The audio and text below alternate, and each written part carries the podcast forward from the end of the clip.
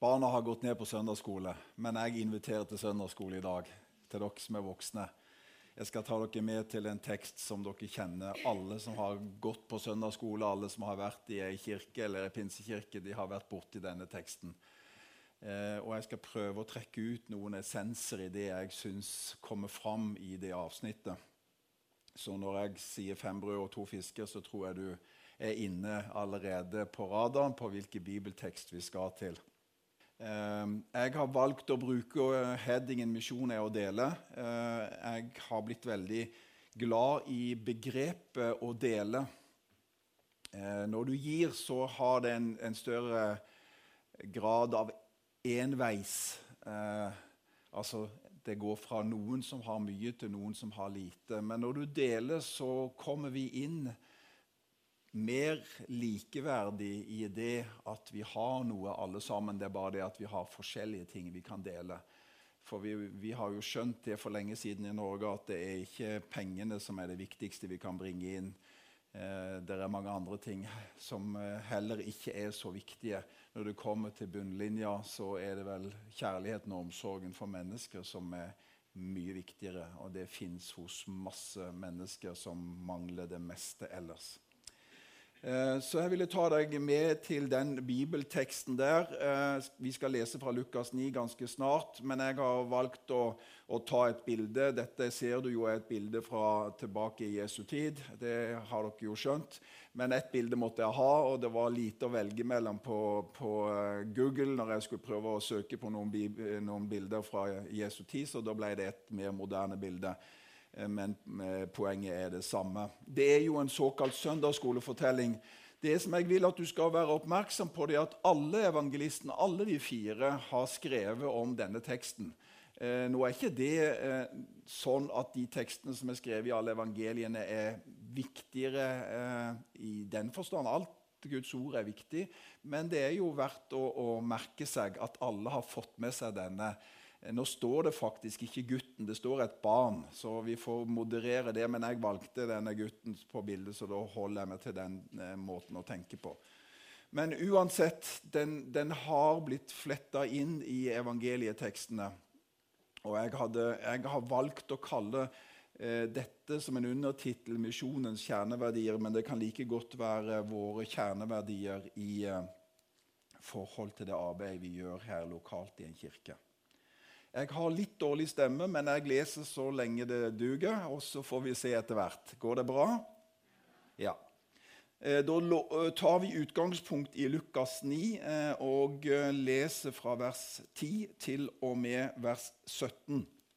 Det er Lukas 9, 10, og vi leser i Jesu navn.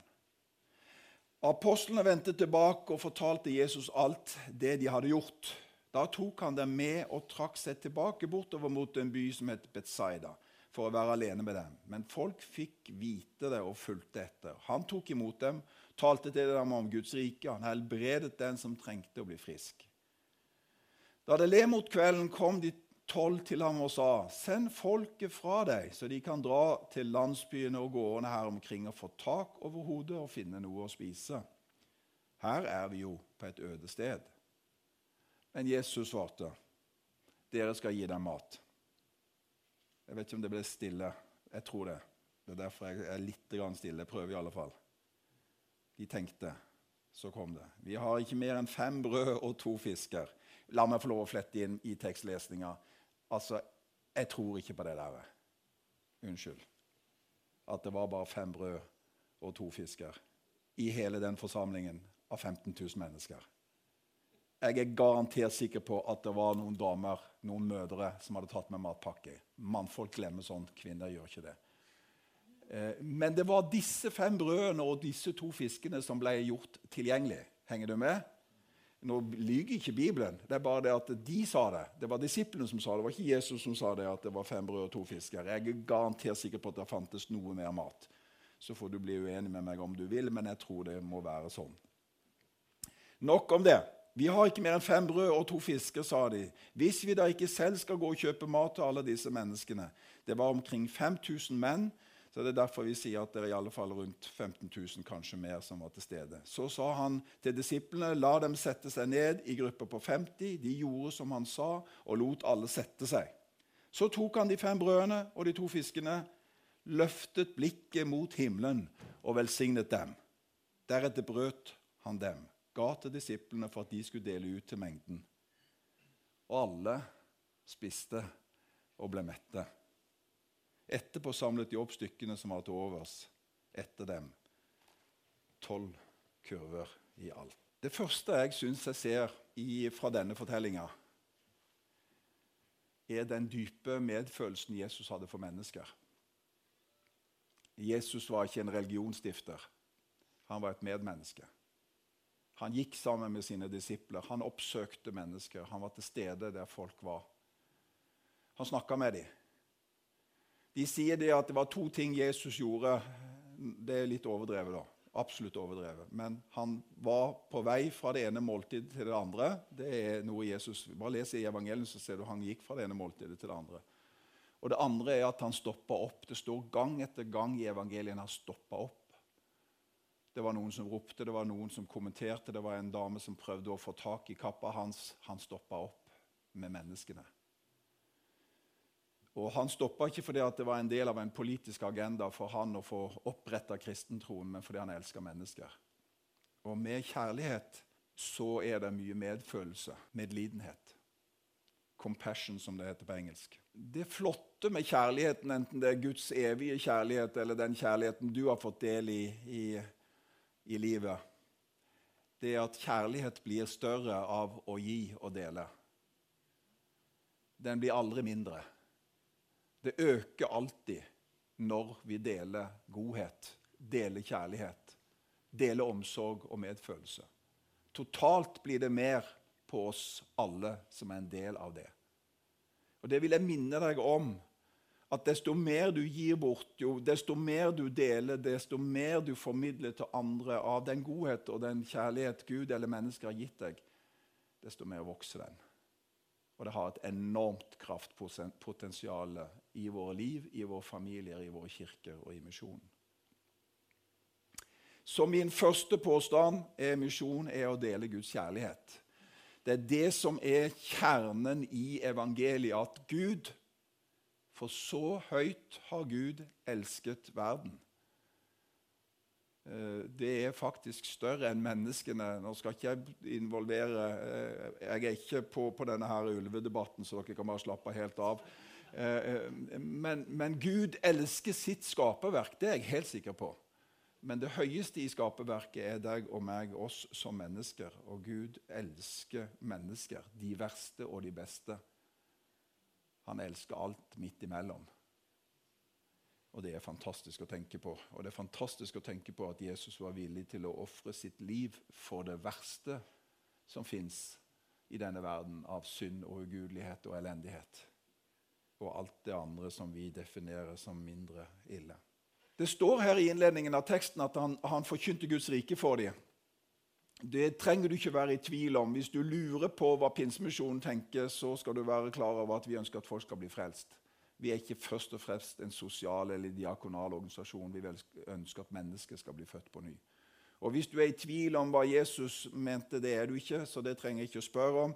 Men hans mål var å vinne mennesker for evigheten, for tid og for evighet. At folk skulle få del i den nye fødselen. Og Om du er til stede her som ikke har fått del i den nye fødselen, så er den klar for deg. Den er gjort rede for deg. Det kan godt hende at alle her er innbakka pinsevenner og har gått på Betel i 100 år. Men det kan jo være noen som ikke kjenner Jesus, som er til stede i dette lokalet. Og Da skal du vite at han bryr seg veldig mye om deg. Og jeg skal bare si det, og Han kommer til å forskjellsbehandle her i dag. For han er jo ute etter å nå deg med sin kjærlighet. For vi andre har fått en god dose allerede. Og vi får mer underveis. Del evangeliet. Eh, jeg vet ikke hvordan du er. Jærbuer, sånn som jeg kjente de før i gamle dager, eh, er ganske eh, Hva skal vi kalle det? Traust er et feil ord. Men de er forsiktige, de er bødige, de er sindige. Er det ikke sånn? Rotfesta og grunnfesta. Solid og ekte. Og det gjør nok at en del jærbuer Henger dere med? Er det greit at jeg bare tar jærbuer akkurat nå? Eh, eller jeg kan godt bruke meg sjøl som et eksempel hvis det er bedre. Det gjør vi heller. Eh, mitt problem så vel som ditt problem er at vi, vi, det er en terskel for oss å få fordelt evangeliet. Det går greit å vise litt godhet og måke litt for naboen eller gjør, vanne litt blomster eller eh, ta vare på noen som er syke. alt det der. Men når det kommer til dette å få satt navn på at Jesus Kristus er verdens frelser, og at han ønsker at du skal få et nytt liv, en ny start, en ny fødsel, da stotrer vi både den ene og den andre av oss. Det jeg vil minne deg om, det er at du som en kristen har et vitnesbyrd. Du har møtt Jesus. Du har møtt noen mennesker som har møtt Jesus, som gjorde at du ble en kristen. Del ditt vitnesbyrd. Fortell hva Jesus gjør i livet ditt. Det han gjorde en gang når du ble en kristen, det han gjør i livet ditt nå. Fortell. For naboene dine, for kollegaene dine, for venner og for uvenner. Fortell. De kan ikke motsi ditt vitnesbyrd. Din fortelling, den er din. Del hvem Jesus er for deg, og hva han har gjort i livet ditt. Kona mi er ganske frimodig på kreftsenteret på Ullevål. Hun evangeliserer ikke i, i, ordets rette forstand, men hun får mange anledninger til å dele evangeliet med mennesker. Og hun forteller hvem Jesus er for henne. Jeg er i en liten sånn kristen boble, så jeg trenger å komme meg ut av det etter hvert. Men det, det, det, skal jeg gjøre noe med. Nå skal jeg inn i litt annen type tjeneste for sommeren av. Det andre er at vi kan dele liv med hverandre. Eh, vi kristne er ikke vellykka. Jeg sier ikke at vi er mislykka heller, men vi er akkurat som alle andre folk. Vi er ikke en gjeng med vellykka, gudstroende, kristelige mennesker. Vi er mange av oss der at hadde vi ikke hatt Jesus i livet, så hadde det gått forferdelig dårlig. Det er i alle fall mitt vitnesbyrd. Jeg hadde ikke greid meg uten Jesus. Jeg vet ikke hvor jeg hadde vært uten at Jesus hadde grepet inn i livet mitt en gang som 16-åring, og at han fortsatt griper inn i livet mitt. Og det kan jeg dele. Jeg kan dele, Det har du som leser KS, du har sett min historie hvis du har hatt tid til å lese det. Jeg deler åpent om min depresjon, om angst som jeg har hatt. Jeg deler det fordi jeg vet at det er livet for mange. Det er sånn virkeligheten er. Jeg har ikke bare angst, jeg har ikke bare depresjon. Det er masse glede, mye latter, mye godt, mye velsignelse, mye energi, mye oppi huet og mye i hjertet. Alt er på plass, det er ikke det. Men jeg deler det jeg har, det som er mine svakheter og det som er mine styrker. Og det tror jeg gir størst troverdighet for folk. For vi er vanlige mennesker, hele gjengen, som kjemper og seirer. Gråter og ler. Denne boka her den tar vi for oss hver dag og leser ett vers eller noen kapitler. Og jeg har tro på kraften i Guds ord.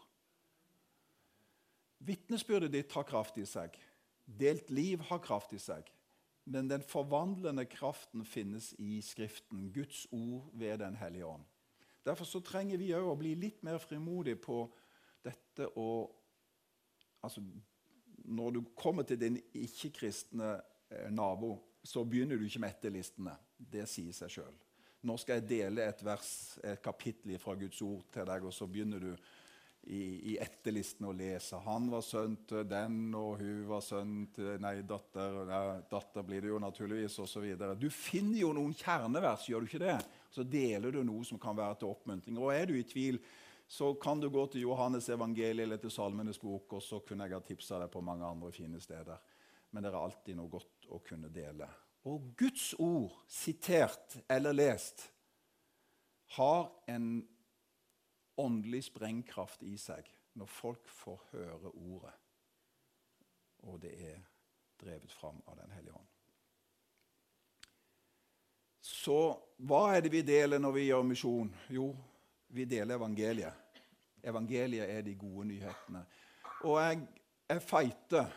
Jeg hørte, jeg vet ikke hvem som ba over, over abortloven. og Jeg kjenner jeg har en dyp sorg i mitt hjerte over hvordan landet vårt tenker, folket vårt tenker.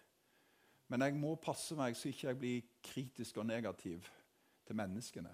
For menneskene er like høyt elska av Gud, selv om de har helt andre standpunkter enn meg. Og denne balansen syns jeg er vanskelig. Eh, jeg ville bare nevne det. Men jeg eh, deler den sorg og den bønn som ble nevnt her i gudstjenesten. Hvis du lurer på hvem hun dama er, så er det Åse Kommedal. Er det noen som kjenner Tor Magne Kommedal? Hun er sykepleier Åse, og Tor Magne har vært lege. De har jobba i Kongo en del, for en del år siden. Nok om det. Eh, du vet helt sikkert at det er et stort fokus på dette med eh, eh, kjærlighet, nestekjærlighet og diakoni. Og jeg ønsker ikke å sette evangeliseringen og diakonien opp imot hverandre. Jeg har ikke fem hender, jeg skulle gjerne hatt det. Jeg har to hender. Det er venstrehånda mi. Jeg er keivhendt. Det er høyrehånda mi. Når jeg skal ut og snekre eller sager ved, så er det venstrehånda jeg bruker. Men jeg bruker ganske ofte høyrehånda òg. For det at i mange tilfeller så trenger jeg begge hendene. Og jeg ville ha et kjempehandikap hvis jeg bare hadde én arm. Dette handler om hvordan vi tenker helhetlig rundt dette med evangelieformidling. Evangelieformidling har ordet, bønnen, evangeliseringen kirkeplantingen, men den har òg den diakonale. Nestekjærlighetstenkningen som ligger helt i dybden. Og begge disse hendene er like. De er ikke like, men de er likeverdige. Og jeg vil påstå eh, Du må ikke være enig med meg, men jeg vil påstå at dette er likeverdig i formidlingen av evangeliet. Hvorfor vokser Selpa-kirka i Kongo så enormt? Det kan jeg forklare deg. For det er ikke først og fremst bare evangeliseringen og Guds ånds virke. Men der det er en Selpa-kirke i Kongo, er det ofte en skole, er det ofte en helsepost, er det ofte hjelp for enkene, er det ofte hjelp for de voldtatte kvinnene. Og Da skjønner jo du at når sosialvesenet i Kongo ikke fungerer, så går folk til kirka og får hjelp. De får mat, de får behandling, de får støtte. Og når de får møtt Guds kjærlighet i praktisk handling, så er veien kort til å si takk, Jesus, frelsen, den er min. Så tror jeg på at Gud ønsker å helbrede. Jeg ser altfor lite helbredelser. Jeg skulle ønske vi kunne oppleve mange store, radikale helbredelser.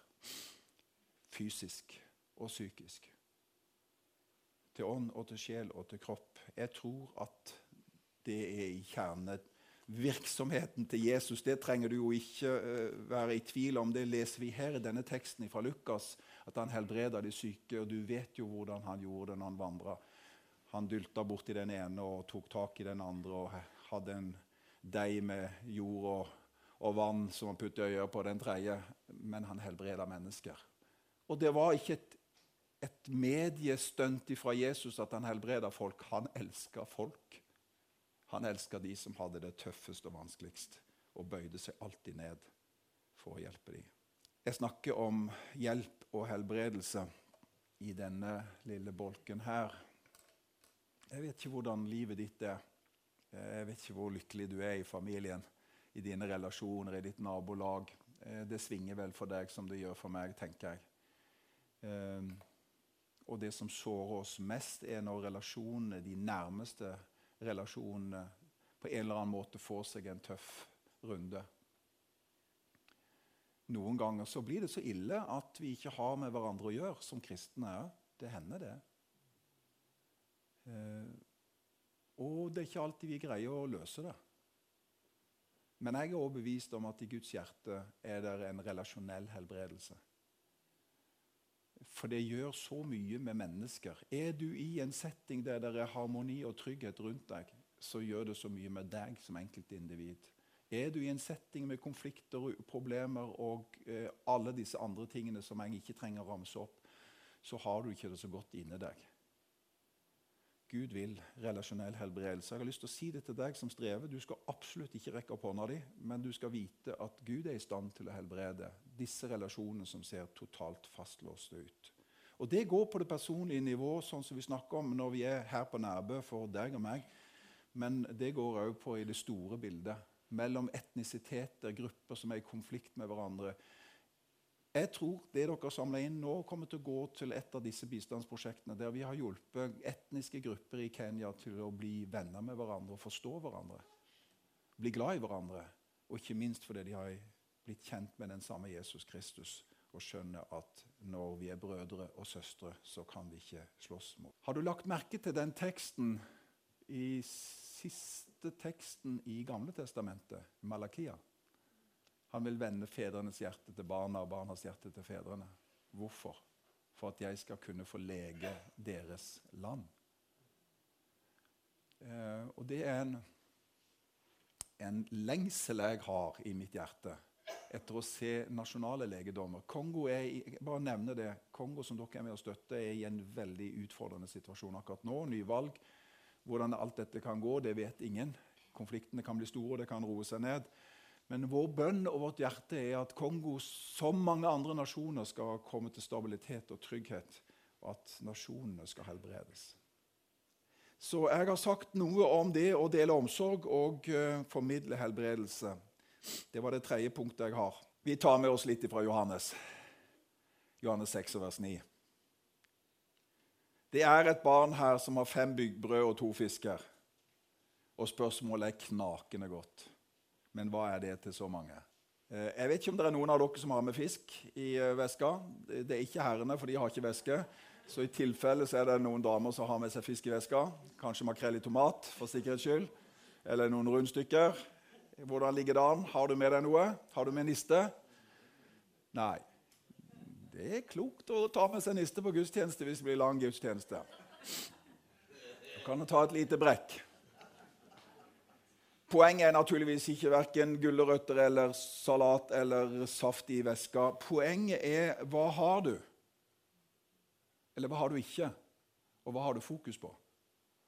Nei, det er ikke så veldig med meg. Jeg har egentlig ikke så mye. Det er smått, det er lite. Det er tynt. Ja, er det noe sånn? Noen av de mest tilbaketrukne, noen av de mest beskjedne mennesker jeg har møtt, viser seg å være noen av de rikeste. Nå snakker jeg ikke om penger, nå snakker jeg om, om helheten. De trenger bare å få lokka fram gavene og de verdiene de sitter på. Noen av oss som er veldig frimodige, vi tror vi har ganske mye, og så oppdager vi sakte, men sikkert at det er de fleste som har mer enn oss.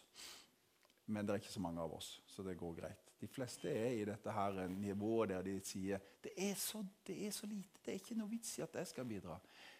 Det mitt vitnesbyrd til deg og min appell til deg er å hente fram det lille du har, og legg det i Jesu Kristi hender. Og bli med på miraklene og undrene som han kan gjøre ut av de småtte greiene som du har i lommene dine. Er du med? Si ikke til deg sjøl, si ikke til andre mennesker, si ikke til Gud at ikke jeg har noe. Du har fått noe. Gud har gitt deg noe. Og Poenget med at Gud har gitt deg noe, er at han elsker deg, men han har lyst til å få til denne fantastiske dominoeffekten. At han gir, vi får, vi gir. Han gir, vi får, vi gir. Er du med?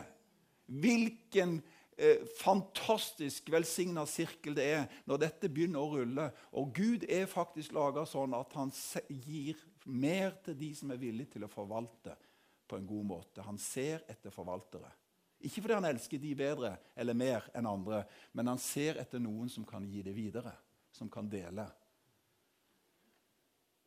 Jeg har bare Jeg har så lite. Jeg skulle ønske Jeg greier ikke det og røkke det ut av mitt hue og ditt hue. Men hvis vi hjelper hverandre og minner hverandre på at vi har noe Du sier til naboen din, du sier til kona di, du, du sier det til barna dine. Du har noe du òg, skjønner du. Det må du bruke. Amen? Oi, nå ble jeg velsigna. Det, det var godt. Jeg er snart ferdig, men jeg har litt mer på hjertet. Hva tenker du når disiplene står der og så kikker de utover, eh, utover markene der antagelig var det slakt ned mot eh, Genesaret?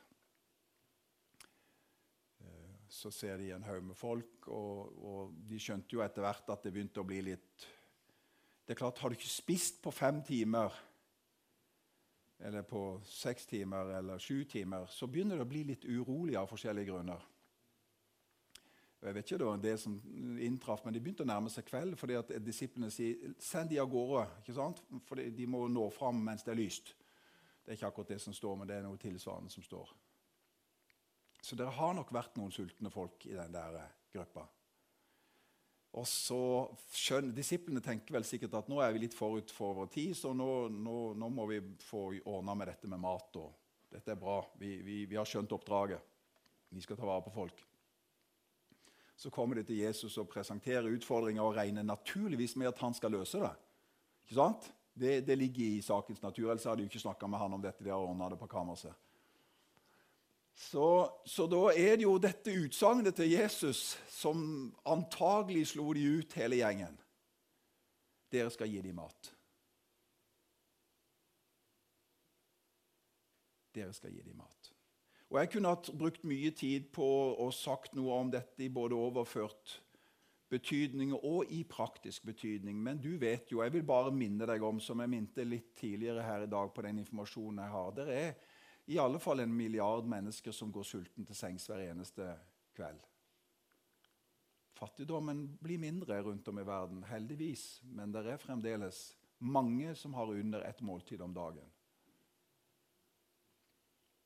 Jeg vet ikke om disse som var rundt Jesus der, var i den situasjonen, men det var i alle fall ikke rikfolka som tusla rundt der. Det jeg ønsker å si til deg, det er for det første at Jesus bryr seg om primærbehovene. Og Nå snakker vi ikke om mat og klær og drikke og varme i husene, for det har vi stort sett vi som er her. Men det er en del andre primærbehov. Og jeg ønsker å si til deg som en nordmann eller som en som bor i Norge, at Gud bryr seg òg om dine primærbehov. De helt fundamentale behovene du har i livet. Og så vet du så vel som meg at vi ligger godt an i den store verdenssammenhengen, og at vi har et solidaritets- en solidaritetsutfordring, en kjærlighetsutfordring vi bør dele, for vi har såpass mye av de materielle godene. Og jeg vil ikke gi deg dårlig samvittighet, men jeg vil minne deg om det jeg sa i stad.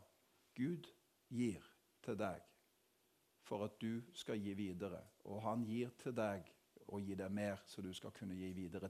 Tør å utfordre deg sjøl på å gi, enten det er penger, eller det er godhet, eller mat, eller whatever. Tør å utfordre deg sjøl til å gi mer enn det du hadde tenkt du skulle gi. Prøv det. Prøv det ei uke, prøv det en måned, prøv det et år, prøv det et liv. Nå får jeg lyst til å dele et vitnesbyrd om hvor gjerrig jeg var da jeg var gutt, og ung. Og så har jeg måttet lære at raushet er noe som er en velsignelse, som det går faktisk an å øve seg på. Henger dere med i fem minutter til? Går det greit? Eh, jeg har bare lyst til å ta dere med på, på forklare dere hvordan alle disse 15 000 menneskene ble, ble mette. Den forklaringa har dere lyst på, ikke sant? Hvordan det skjedde helt praktisk. For når Jesus hadde løfta hendene opp mot himmelen og velsigna disse småbrødene og de der småsilda som han guttungen hadde tatt med seg, eller hvem det nå var, om det var jente eller gutt, det kan være det samme. Så når han sa amen Henger dere med? Så bare kom det ei dunge med brød liggende der. Og så en haug med fisk som la seg til rette. Liksom. Det var bare sånn, Akkurat som manna i ørkenen. Dere er med? Det var sånn det skjedde. Så nå trenger dere ikke gruble mer på hvordan det skjedde. Så nå har dere fått forklaringer. Eller kan det være alternativer? Fins det alternativer? Kan det være at Peter fikk en liten skalk. Og så ga han det til John. Liten beta. Sånn. Nei, du må åpne hånda. Du må ha den helt sånn. ja. Sånn. Og så Wow, det er like mye igjen. Og Han kikka der og ga litt til til John, for han så han var sulten. Eh, og så var det like mye igjen. Og så var det like mye igjen. Og så var det like mye igjen. Og sånn fortsatte det miraklet.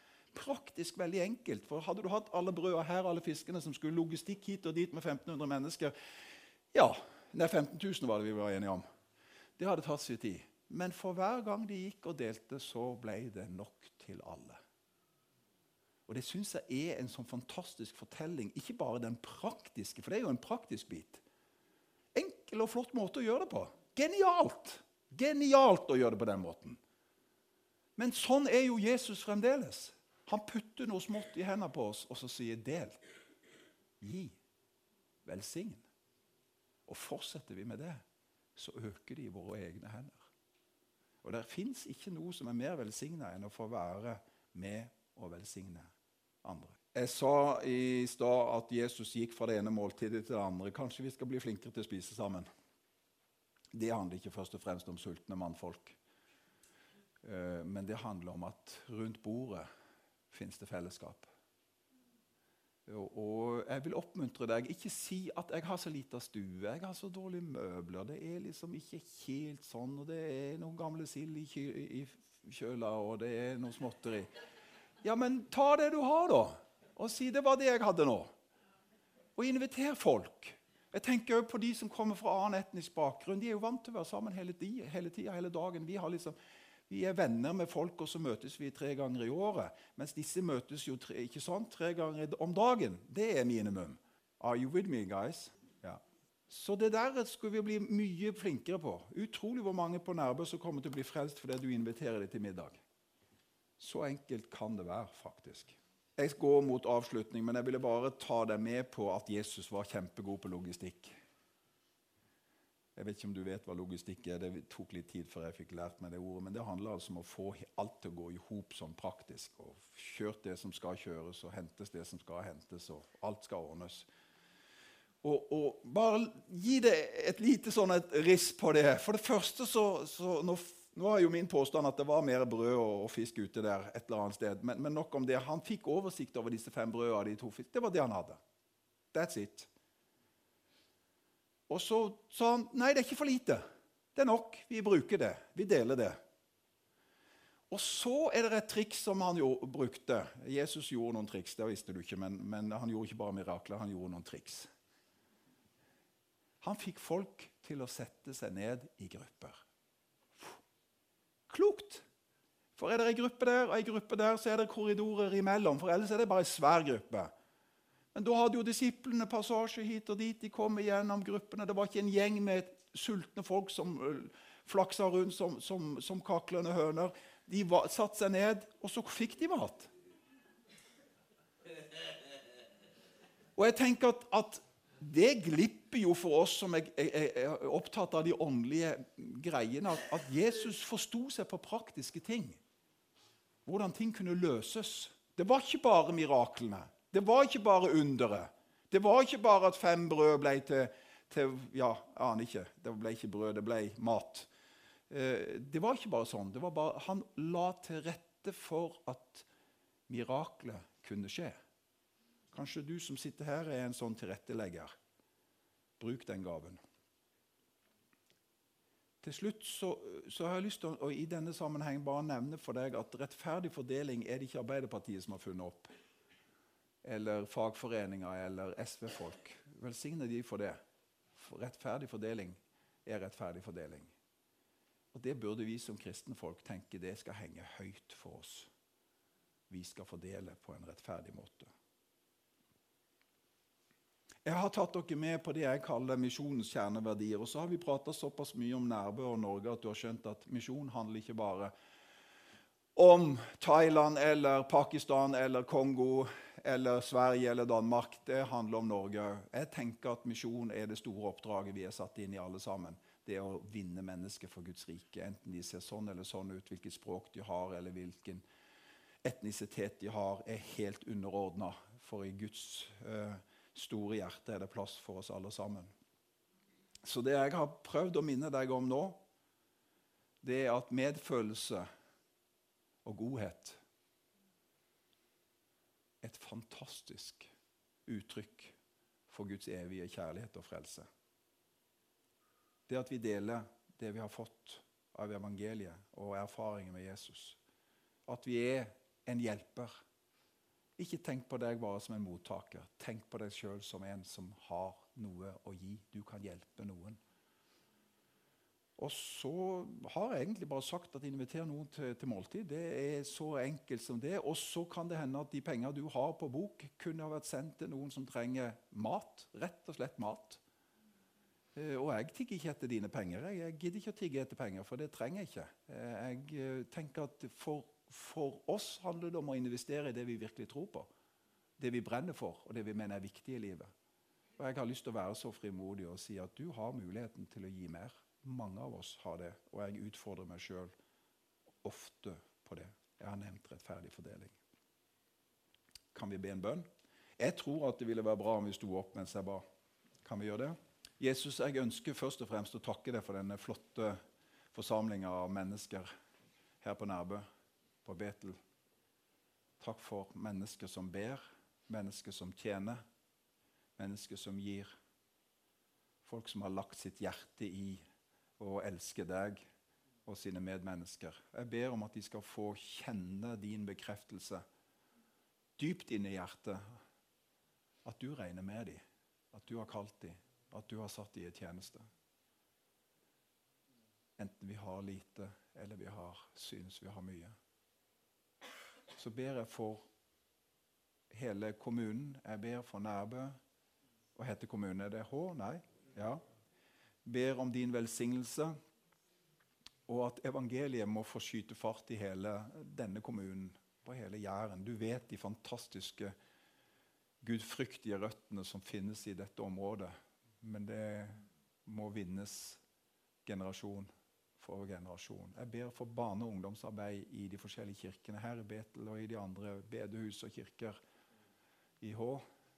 La det lykkes, Herre. Og så inviterer du oss med hele tida, Jesus, til å være med på dine mirakler. På dine undergjerninger. Og hjelp oss til å si ja når du ber oss om å bli med. Hjelp oss til å si ja når du inviterer oss til ditt måltid. Hjelp oss til å si ja når du sitter rundt bordet med folk som vi ellers ikke ville sitte sammen med, men som du sier 'kom og sitt her med meg, for jeg sitter med disse'.